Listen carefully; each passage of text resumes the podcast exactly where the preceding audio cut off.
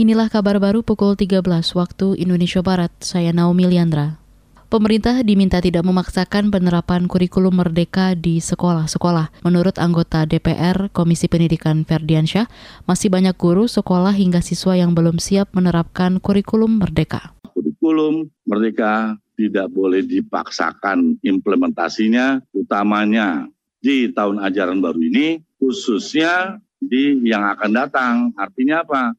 Menjadi pilihan. Yang bicara 140 ribu itu ternyata kalau kalau kita selami, mohon saya diklarifikasi, itu yang mendaftar. Bukan artinya di sini atas keinginan, atas juga kesadaran bahwa dia memang sudah siap dan mampu itu tadi anggota DPR Komisi Pendidikan Ferdiansyah. Sebelumnya, Kepala Badan Standar Kurikulum Asesmen Pendidikan Kementerian Pendidikan Anindito Aditomo mengklaim hingga kini sudah ada 140 ribu satuan pendidikan yang bakal menerapkan kurikulum merdeka.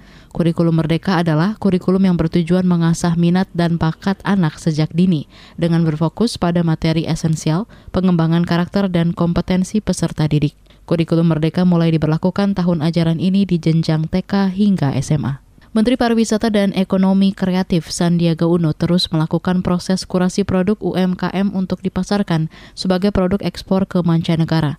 Sandiaga mencontohkan jumlah produk UMKM di Banten yang mencapai 300 ribu item.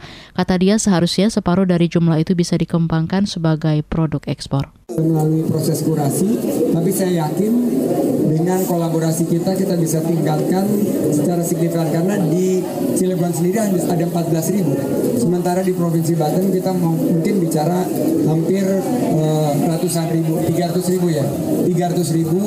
Dan kalau 50% aja yang bisa kita konversikan siap untuk ekspor, ini jumlahnya sangat besar yaitu 150 ribu. Menparekraf Sandiaga Uno mengingatkan UMKM berperan besar meningkatkan capaian target penciptaan lapangan kerja. Tahun ini pemerintah menargetkan penciptaan 1,1 juta lapangan kerja baru dan 4,4 juga lapangan kerja di tahun 2024. Sebelumnya Kementerian Koperasi dan juga UMKM mengklaim 97 persen lapangan kerja Indonesia berasal dari sektor UMKM. Persekutuan Gereja-Gereja Indonesia PGI menyampaikan keprihatinan dan duka cita mendalam kepada keluarga korban penyerangan kelompok bersenjata di kampung Nogolait, Kabupaten Duga, Papua.